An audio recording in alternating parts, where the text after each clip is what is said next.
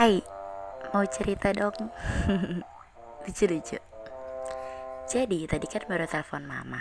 Terus Ya gimana ya Maksudnya Aku udah 24 tahun Tapi kadang Mama masih sering lupa kalau anaknya ini udah hampir 30 tahun.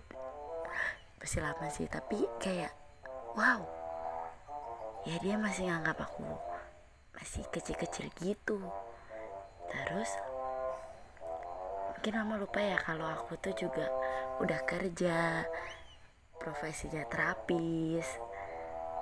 Nah jadi tadi kan cerita mah tangan dede digigit nih sama pasien. Aku bilang kan?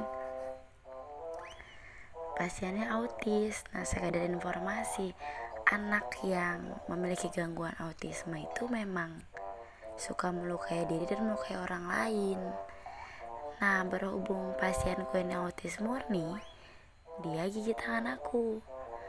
Dan respon mamaku, ya Allah. Tahu nggak? Dia bilang apa?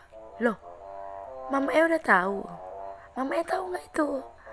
Hmm, ini kan bukan aku yang berantem sama anak itu ya. Masalahnya di sini posisinya aku terapisnya, yaitu udah resiko dong.